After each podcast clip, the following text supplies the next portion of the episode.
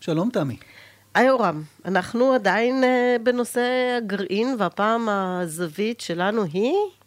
ישראל והגרעין. אה, האורחת שלנו היא דוקטור אור רבינוביץ', היא מרצה בכירה במחלקה ליחסים בינלאומיים באוניברסיטה העברית, וחוקרת סוגיות שקשורות לתפוצה של כלי נשק גרעיניים, טכנולוגיה גרעינית, כותבת על ההיסטוריה של תוכנית הגרעין הישראלית. כל השאר זה לפי מקורות זרים. ברוכה הבאה, אור. תודה רבה. אז אה, מה, למה, למה ישראל אה, הייתה צריכה לפתח אה, יכולות גרעיניות?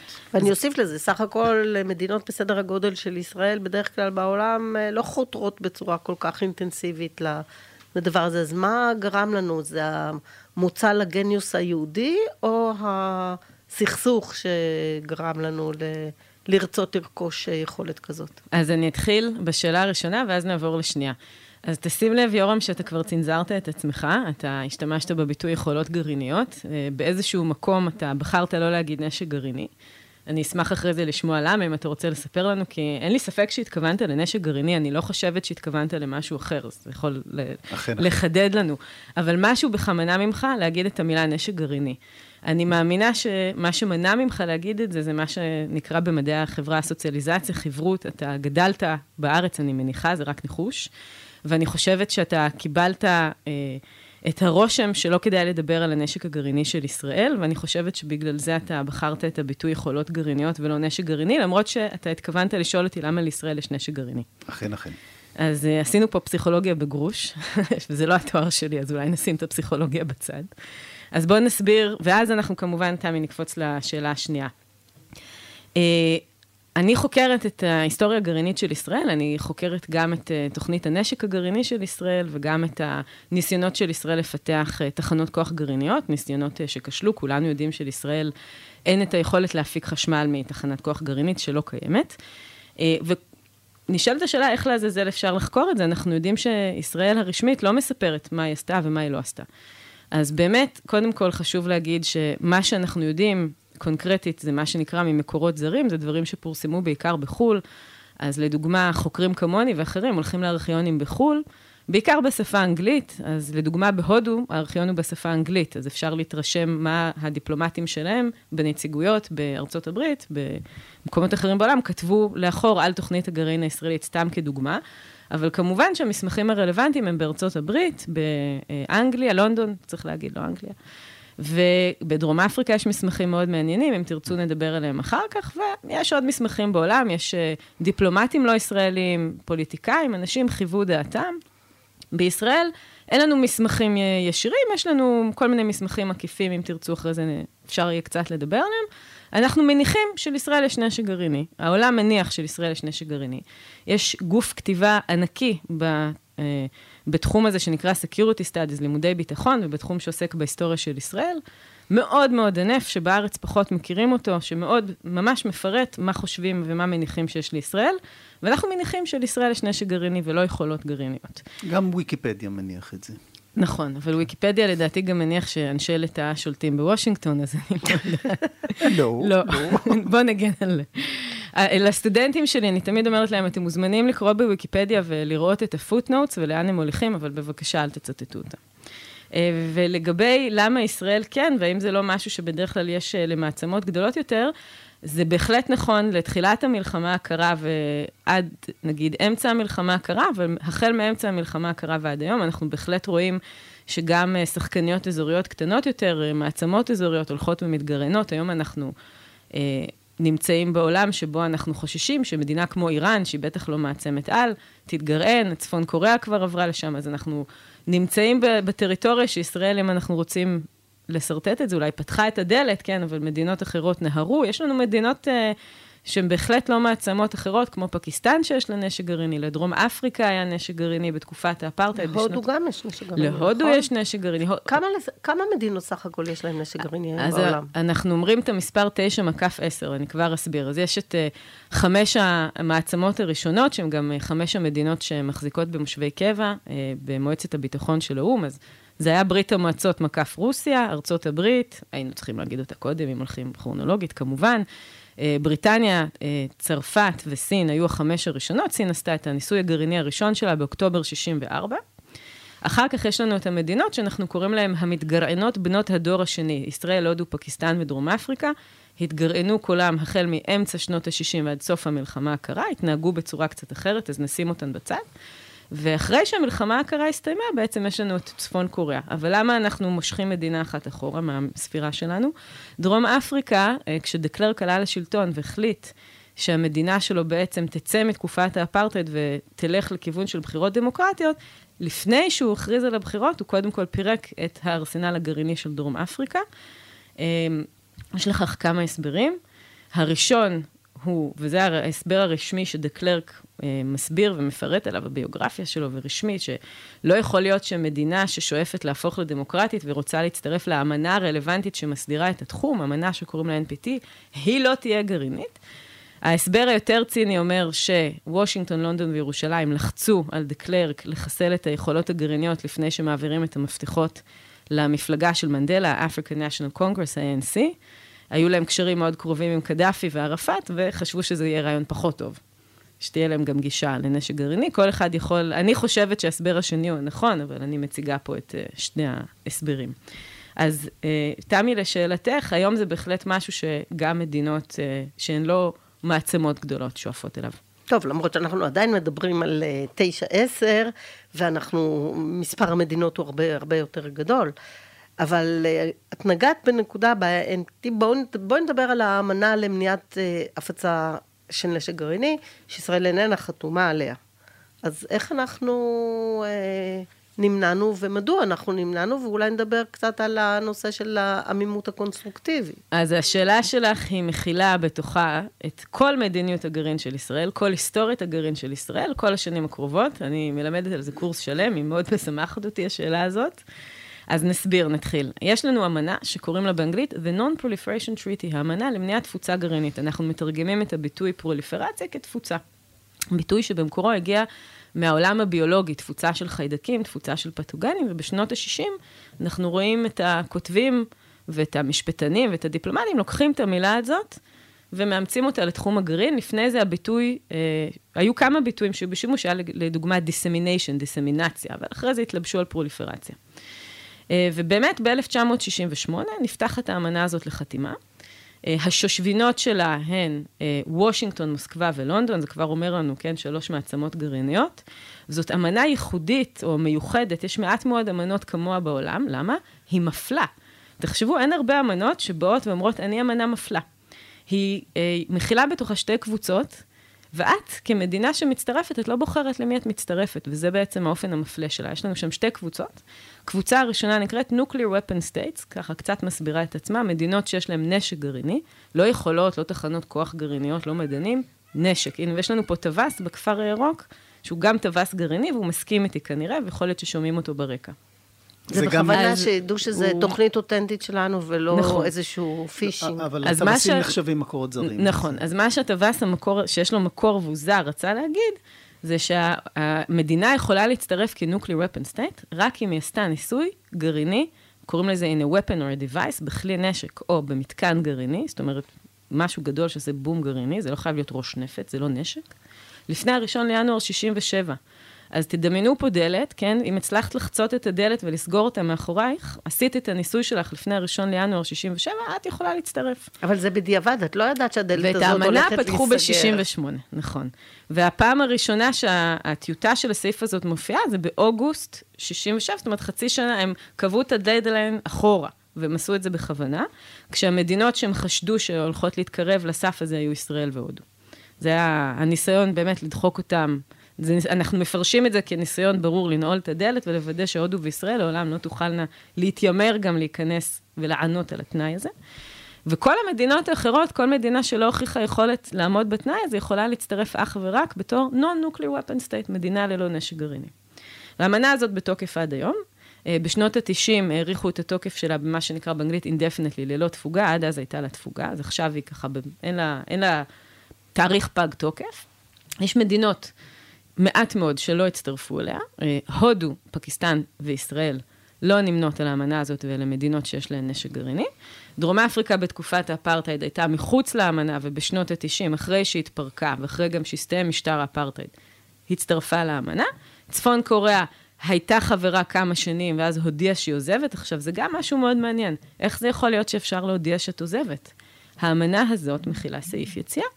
אם אה, מדינה מודיעה שיש לה צורך קריטי, דרמטי, שקשור לביטחון הלאומי שלה, שכופה עליה לצאת מהאמנה, היא יכולה לתת הודעה, ואחרי חצי שנה את לא באמנה. זה, או כמה חודשים. אז זה מאוד מאוד מעניין. הנשיא ניקסון חשד באמנה הזאת, הוא היה משפטן בעצמו, הוא היה צריך אה, להתלבט האם להביא אותה לאשרור או לא, וכשהוא מתייעץ עם קיסינג'ר ובכירים נוספים, הוא אומר, תראו, מבחינתי לאמנה הזאת יש ערך פסיכולוגי, לא ערך שתורם לביטחון הלאומי האמריקאי. אם כל מדינה יכולה לצאת כשבא לה, אז אני עושה את זה כי אני מבין שהציבור האמריקאי מפיק בזה איזה תועלת. אז כבר אנחנו רואים שיש פה בעיה עם האמנה הזאת. וישראל, באמת, כמו שאמרת, תמי, לא חברה באמנה. עכשיו אני רוצה לגעת בעוד נקודה מאוד חשובה. ישראל, הרבה פעמים אנשים אומרים לי, ישראל מכחישה, או לישראל אין מדיניות גרעין, או ישראל מכחישה שיש לה יכולות גרעיניות, יורם, או נשק גרעיני. כל האמירות שאמרתי עכשיו הן שגויות ומאוד מאוד לא מדויקות. לישראל יש מדיניות גרעין רשמית, היא נכנסה למסמכים בילטרליים, מסמכים שישראל חתמה עליהם עם ארצות הברית במרץ 65, עם ממשל ג'ונסון, ואחרי זה המדיניות הזאת גם פורסמה, ועד היום, וגם מי שיחפש ביוטיוב יוכל למצוא קליפים של ראשי ממשלה ישראלים חוזרים עליה ברעיונות. והמדיניות היא המשפט הבא, ישראל לא תהיה המדינה. קדימה, תמי. לא, לא. את כל כך רצית לי, כי זה בוער בך. אז ישראל לא תהיה הראשונה לעשות מה, תמי? מה זה להכניס נשק גרעיני למזרח התיכון. האם יש לזה משמעות משפטית לביטוי הזה? לא, במשפטית אין כזה דבר, introduction. What is introduction? שפצצה באה ואומרת, שלום, נעים מאוד, I'd like to introduce myself? מה זה introduction? אז... אז אולי נחזור למשפט המשפט, מסודר, המשפט, אז אנחנו. אז נגיד אותו באנגלית ואז בעברית. Israel will not be the first to introduce nuclear weapons to the region or to the Middle East, תלוי לפי הניסוח. ובעברית אנחנו נוהגים לתרגם, ישראל לא תהיה הראשונה להציג נשק גרעיני למזרח התיכון, או להכניס נשק גרעיני למזרח התיכון, למרות שהכנסה ואינטרודקשן, לא אפשר להתווכח על התרגום. Uh, משפטית אין שום... Uh, יש ויכוח סביב השאלה, איך אפשר לתרגם את הביטוי הזה. הוויכוח הזה התנהל, אני עכשיו אספר לכם איך הוא התנהל. זה, זאת מדיניות הגרעין של ישראל עד היום. ותשימו לב, האם הייתה פה הכחשה של יכולות גרעין? האם המשפט הזה מכיל אמירה של ישראל אין משהו? או לא יהיה, או לא שהיא יהיה? מתחייבת לא לפתח? שום דבר. לא, אז קודם כל הפרחנו פה כמה מיתוסים שחשוב, אני חושבת, להבין אותם. זאת מדיניות, המדיניות של ישראל. האם היא עמומה? האם היא אכן מסתירה מה יש לישראל? כן, היא עמומה. ולכן אנחנו באמת מכנים את המדיניות מדיניות העמימות. כי מהמדיניות הזאת שדקלמנו עכשיו ביחד, בחדווה, אי אפשר להבין מה יש או מה אין לישראל.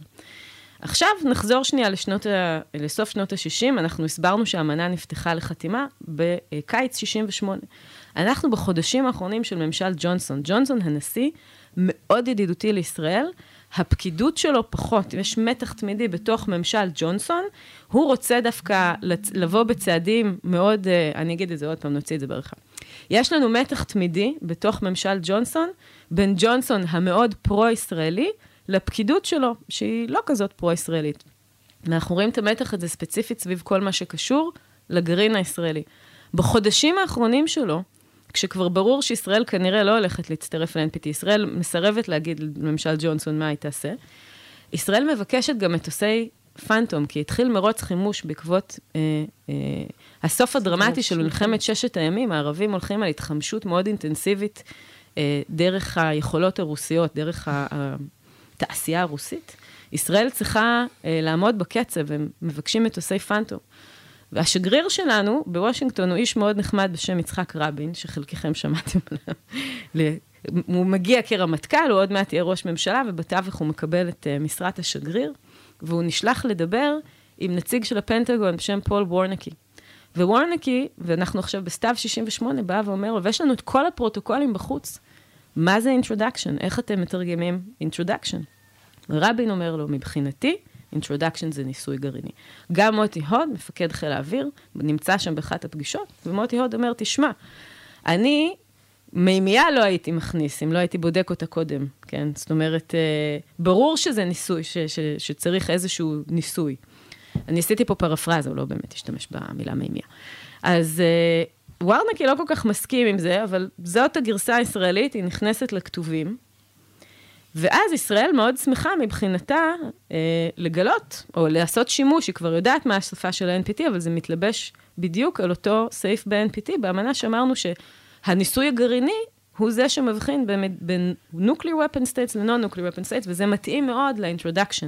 אז יש לנו פה מין הלחם של שני הרעיונות האלה, אה, והוא מתגבש עוד יותר בפגישה שמתקיימת בספטמבר 69. בפגישה הזאת מגיעה ראשת הממשלה החדשה גולדה מאיר לבקר את הנשיא ניקסון.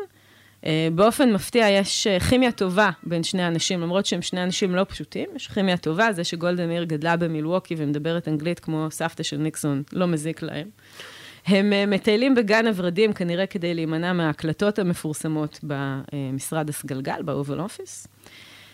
ואנחנו לא יודעים מה היה בפגישה, אנחנו יכולים לנחש, אין לנו פרוטוקולים רשמיים, אבל יש כל מיני הדלפות ופרסומים, וממש חצי רשמיים שכבר ממש אפשר להתייחס אליהם. ואנחנו מניחים שבפגישה הזאת התגבשו ההבנות שאנחנו מכנים ההבנות האסטרטגיות בין ישראל הברית על יכולות הגרעין של ישראל, שבעצם מקדדות או מגבשות את אותה מדיניות אה, עמומה של ישראל, שהיא לא תהיה הראשונה להציג.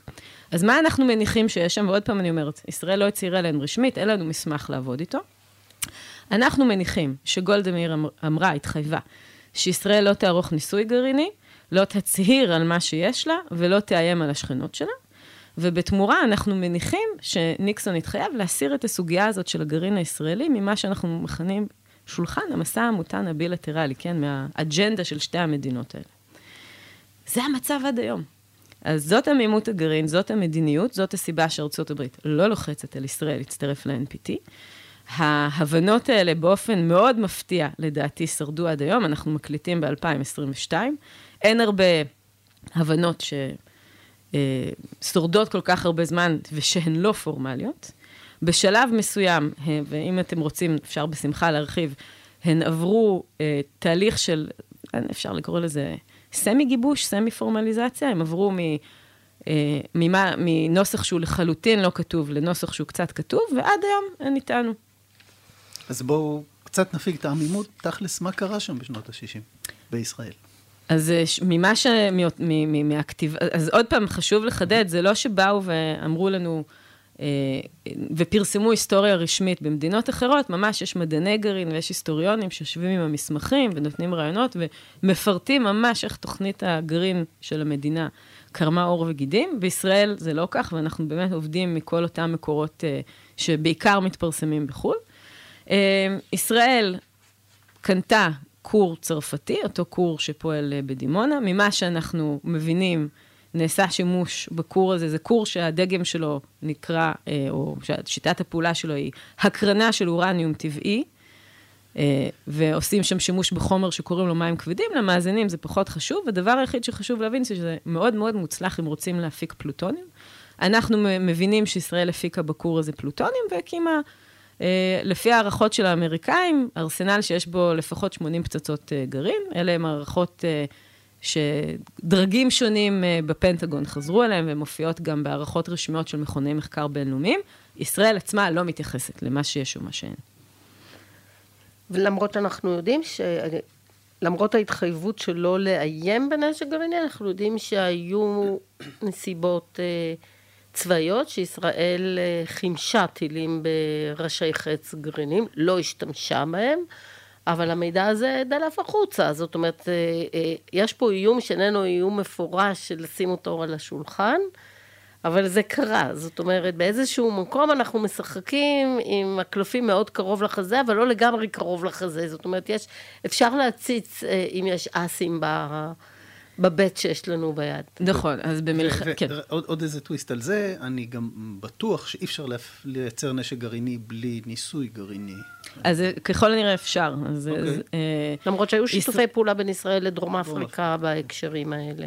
נכון, אז אה, נתחיל אולי עם סוגיית הניסוי הגרעיני. חמש הראשונות שציינו אותן, באמת סיימו את uh, תוכניות הפיתוח שלהם עם פיצוץ גרעיני. וההנחה בשנות ה-60 הייתה שמדינה שרוצה לבצע, אה, או להגיע ליכולת אה, להרכיב כלי נשק גרעינים, תהיה חייבת לעשות ניסוי. מעט מאוד אנשים העריכו שאין חובה כזאת. אה, במחקרים שלי אני מצאתי מסמך אחד של אחת הרשויות הרלוונטיות בארצות הברית, היא נקראת The Arms Control and Disarmament Agency, כבר לא קיימת, סוכנות שפעלה בשנות ה-60 וגם אחרי זה. אחד האנשים שם העריך שישראל יכולה, עשויה להיות בדיוק מקרה שבו המדענים יכולים לפתח יכולות גרעיניות אה, שמובילות לנשק גרעיני בלי ניסוי. הוא צדק, ישראל... ככל הנראה, אה, לפחות עד שנת 79, ונשים פה שנייה כוכבית, אף אחד לא מייחס לה אה, עריכת ניסוי גרעיני. הסיבה היא שאם יש לך מדענים מספיק טובים ויכולות מדעיות מספיק מפותחות, אתה יכול ל- אה, להעריך ברמת דיוק מספיק טובה מה היעילות של התכנון שלך. ספציפית, בכלי נשק גרעיניים, אחד התכנונים הוא כל כך פשוט, שבכלל לא היה צריך לעשות בו שימוש. אני רוצה לקפוץ רגע להירושימה ונגסקי. האמריקאים באוגוסט 45 עושים אה, שימוש נגד שתי הערים האלה בשתי פצצות שונות, אחת מבוססת אורניום, אחת מבוססת פלוטוניום. בדגם הפלוטוניום, שהוא הדגם השני שנעשה בו שימוש בנגסקי, באמת עשו ניסוי ביולי, בניו מקסיקו. זה היה הפיצוץ הגרעיני הראשון בתולדות האנושות. לעומת זאת, הדגם שמבוסס על אורניום, הפצצה הראשונה שהייתה בשימוש צבאי, הפצצה שהחריבה את הירושימה, היא פצצה, וזה, אני רוצה להדגיש את זה, שמעולם לא נוסתה. זאת אומרת שהם לא ידעו מה יכול לקרות הם כאשר הפצצה הזאת תתפוצץ? הם ידעו ברמת קירוב, כל, התכנון היה כל כך פשוט, הם הניחו ברמת הערכה מאוד מאוד גבוהה, שהם יודעו בדיוק מה קורה, והאמריקאים מפילים את הפצצה הזאת על הירושימה מבלי שמעולם נעשה ניסוי בטכנולוגיה הזאת, כי היא כל כך פשוטה. אז אם יש לנו פצצה, וזה הנשק הראשון שאני יכולתי ככה למצוא שנעשה בו שימוש בשדה קרב, ובלי שאי פעם, אי פעם, אי פעם נעשה בו ניסוי. אני לא מצאתי דוגמאות אחרות למשהו כזה. אז אפשר להניח שאם ב-45 הייתה כבר ודאות טכנולוגית כל כך גבוהה שהתכנון הזה יעבוד, אז את יכולה להבין שהמחסום הטכנולוגי הוא לא מאוד גבוה. בפצצת הפלוטונים יותר מורכבת, יש הנחה שמדינות כן יצטרכו לעשות ניסוי, אבל עובדה שאם המדענים שלך מספיק טובים, הם כנראה, והטכנולוגיה גם הולכת ומתקדמת, כנראה אפשר להתקדם עם הפיתוח בלי לעשות ניסוי. אנחנו מניחים שישראל נכנסה בדיוק לחלון הזה, כש... והמסמכים האמריקאים, המסמכים של השגריר האמריקאי בשנות ה-60, קראו לו וולוורת ברבר, שם, שם בלתי אפשרי לישראלי להגיד. אני מוחה בתוקף על זה שאני נאלצתי להגיד אותו עכשיו. הוא כותב אחורה, בשנות ה-60, מבקשים ממנו להעריך האם יש סיכוי שישראל מתגרענת ועושה ניסוי. והוא אומר, אם ישראל תתגרען, אז קודם כל אני אצטרך למצוא סימן לבנייה של אתר גרעיני, כן, הוא קורא לזה excavation of a test site, אנחנו נראה שהם מכינים אתר, ואז אני מעריך ששנה, שנתיים אחרי נראה ניסוי גרעיני, ואז נדע שהם חצו את הסף. אפשר לקחת את הנייר, את הממו הדיפלומטי הזה, לכווצ'ץ' אותו ולזרוק אותו לפח. כי ישראל הלכה על דרך אחרת, היא הלכה על הדרך שציינו במסמך הקודם, של פיתוח היכולות בלי ניסוי גלוי. לפחות עד 79. היו גם השאלה, הייתה גם השאלה של הנושא של טיסות מעל הכור, אם אפשר לצלם דברים, כי היה ניסיון לוודא מה קורה שם, מה מוסיפים ומה לא מוסיפים, והכיפה הידועה של הכור, זאת אומרת, הכל מלא כאן תערובת של אה, פוליטיקה, הסכמה בשתיקה, אה, משיכה בחבל על צוואר ישראל כשזה נוח, אה, הרפייה של הרצועה בנקודות...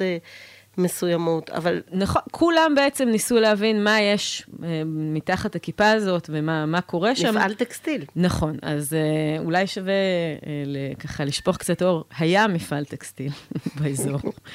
וכשאחד הדיפלומטים האמריקאים, אוגדן ריד, הוא עבר שם במסוק וליווה אותו דיפלומט אה, ישראלי בשם אדי כהן, וריד שאל אותו מה יש שם, אז עדי כהן ככה שלף, מפעל טקסטיל. אה, אבל זה לא באמת, אף אחד לא באמת אה, קנה את זה, אבל אולי אה, אפשר ללכת לעוד סיפור, לא רק האמריקאים התעניינו מה בדיוק קורה שם.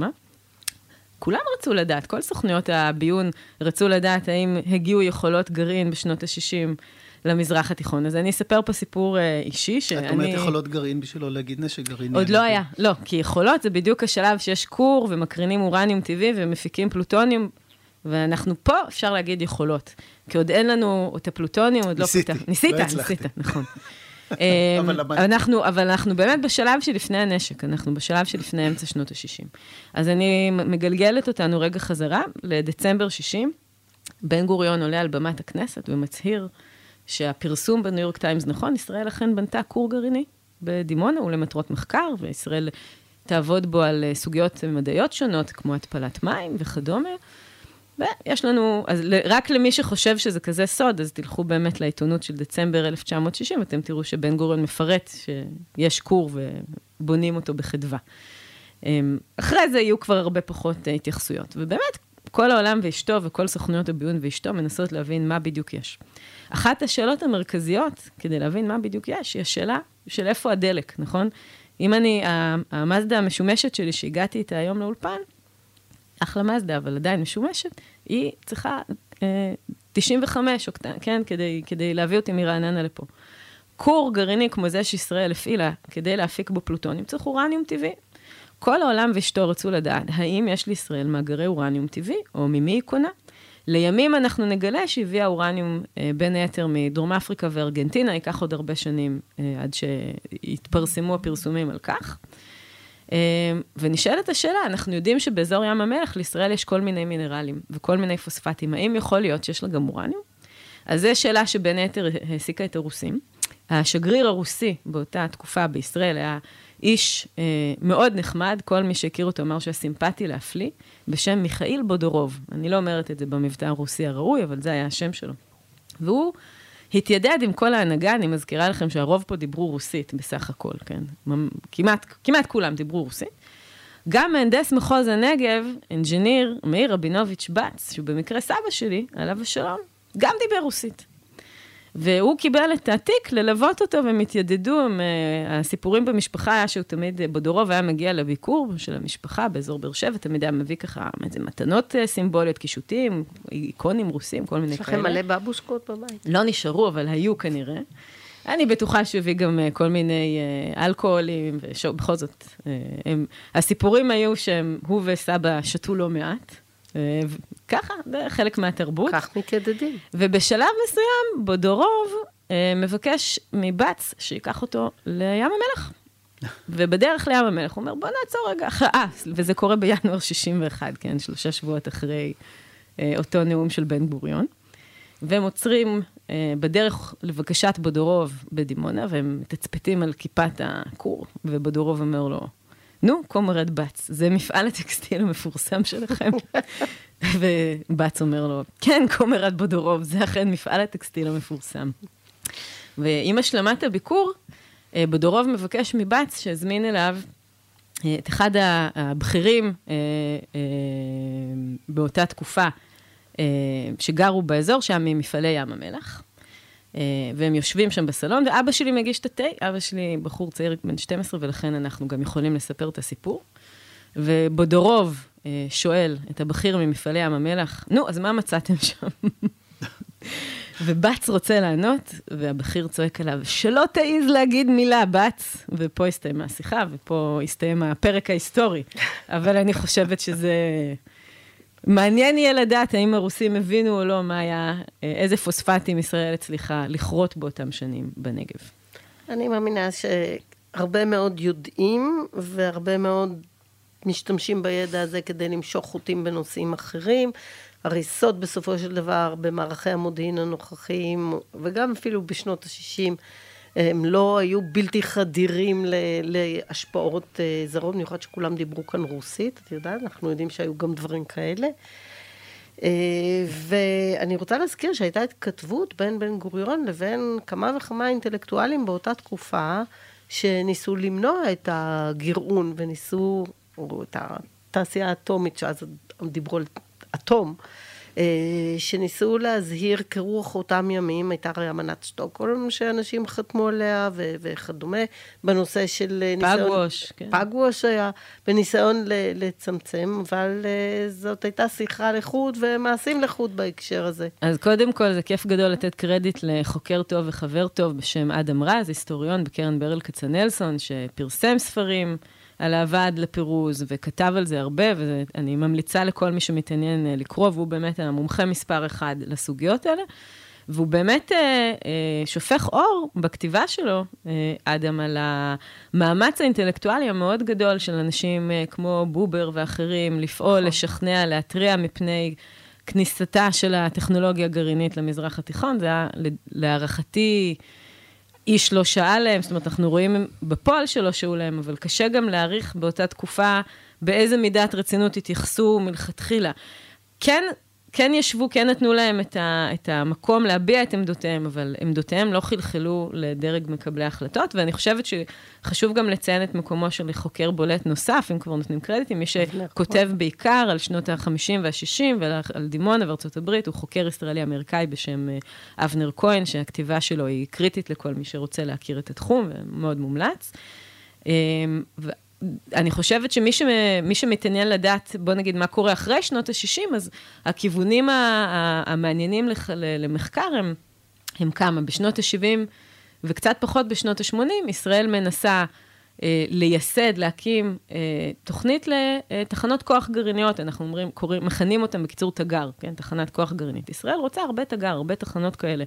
לישראל אין, אה, עד שנות ה-90, כשהיא מגלה את אה, מרבצי הגז הטבעי, אין לה... גז פוסילי משלה, או נפט, סליחה, מקור אנרגי פוסילי. היא מייבאת הכל, ויש לה אה, אינטרס מאוד גדול להקים פה תחנות כוח גרעיניות, ואנחנו רואים שבשנות ה-70 יש לא מעט מאמצים כאלה, ופה אנחנו כבר ממש יכולים לגשת לארכיונים בעולם ולראות מה ישראל ניסתה לעשות. הם ניסו ללכת לאמריקאים, וניסו ללכת uh, לבריטים, וניסו ללכת לקנדים, לכל מיני יצואניות, אה, למעט נכונות מסוימת של האמריקאים בתקופת ניקסון, שאחרי זה נעלמה, אף אחד לא רוצה למכור לישראל תחנת כוח גרעיני. אה, מאוד חשוב לחדד שאלה תחנות אזרחיות נטו שניתן להפיק בהן חשמל. למרות שישראל הסכימה שהן תהיינה תחת פיקוח מלא, ישראל בשנות ה-70 לא צריכה תחנת כוח גרעיני כדי להחביא מאחוריה יכולות אחרות להפיק פלוטוניום וכדומה, יש לה כבר תוכנית נשק נפרדת. אבל אף אחת מהספקיות לא רוצה להתעסק עם העולם הערבי. הם uh, מחביאים מישראל את התירוץ האמיתי. הרבה פעמים אומרים לישראל, אם תחתמי על ה-NPT, נמכור לך. ובדוקיומנט, במסמכים הפנימיים, הם כותבים, גם אם היא, תח... תחתום, לא נמכור לה כלום, זה מסוכן מדי. אז הם לא כנים עם ישראל, אבל גם אין חשש מצד שני שישראל תצטרף ל-NPT. יש עוד שימושים אזרחיים לכורים שכן יש לנו? אז יש לישראל שני כורים אה, גרעיניים, בדימונה ובסורק, שמתבצעים בהם אה, מחקרים אה, בנושא איזוטופים וכדומה. אה, יש עכשיו אה, חשש בקהילה המדעית הישראלית, אה, שמא הכורים האלה בעצם, אה, ישראל תיאלץ לסגור אותם, אה, כי הם מאוד מאוד ישנים. ומה יהיה אם לישראל לא יהיו כורים גרעיניים פעילים? זה בהחלט יפגע במעמד המדעי של ישראל. איפה יכשירו אה, פיזיקאים גרעיניים, כן? מה, מה יעשה פיזיקאי גרעיני בלי גישה לכור גרעיני? זאת בעיה. והיום, ה, ה, בוא נגיד, הנוף המדיני הוא כזה שמכתיב שאף ספקית גרעין לא מוכנה למכור לישראל אה, ולו תחנת כוח גרעינית או כור קטן למחקר. יכול להיות שבעתיד אנחנו נראה בקיאים, כן, אה, בסירוב הזה, יכול להיות שהרוסים בסוף יחליטו שזה משרת איזה אינטרס, או הסינים, זאת אומרת, ישראל, אה, או הקוריאנים, או היפנים, יש כל מיני ספקיות שעשויות... או ההודים.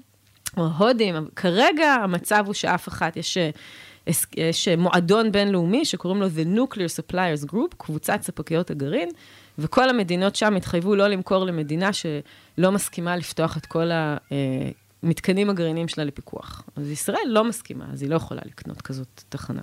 אם הבאנו את הארכיון מטהרן, נצליח להביא גם את הדברים האחרים. אולי נגנוב כור גרעיני. אולי נגנוב כור גרעיני. אני מאוד מודה לך, דוקטור רבינוביץ', היה כיף, הסברת לנו, אני חושבת, אה, בצורה מאירת עיניים ובהירה ומשעשעת, כולל סיפור אישי. על uh, מדיניות הגרעין של ישראל, אפשר לדבר על זה שעות רבות, uh, אבל אני חושבת שזה מצטרף יפה לשיחות אחרות שיש לנו כאן בסדרה ותהיה לנו, או יש לנו גם שיחה שעוסקת בגרעין האיראני. הצלחנו לעבור איתך את השיחה בלי איראן ובלי ואנונו. אני חושבת שזה הישג בפני עצמו. רק על רבה. זה מגיע פרס. תודה רבה. תודה רבה.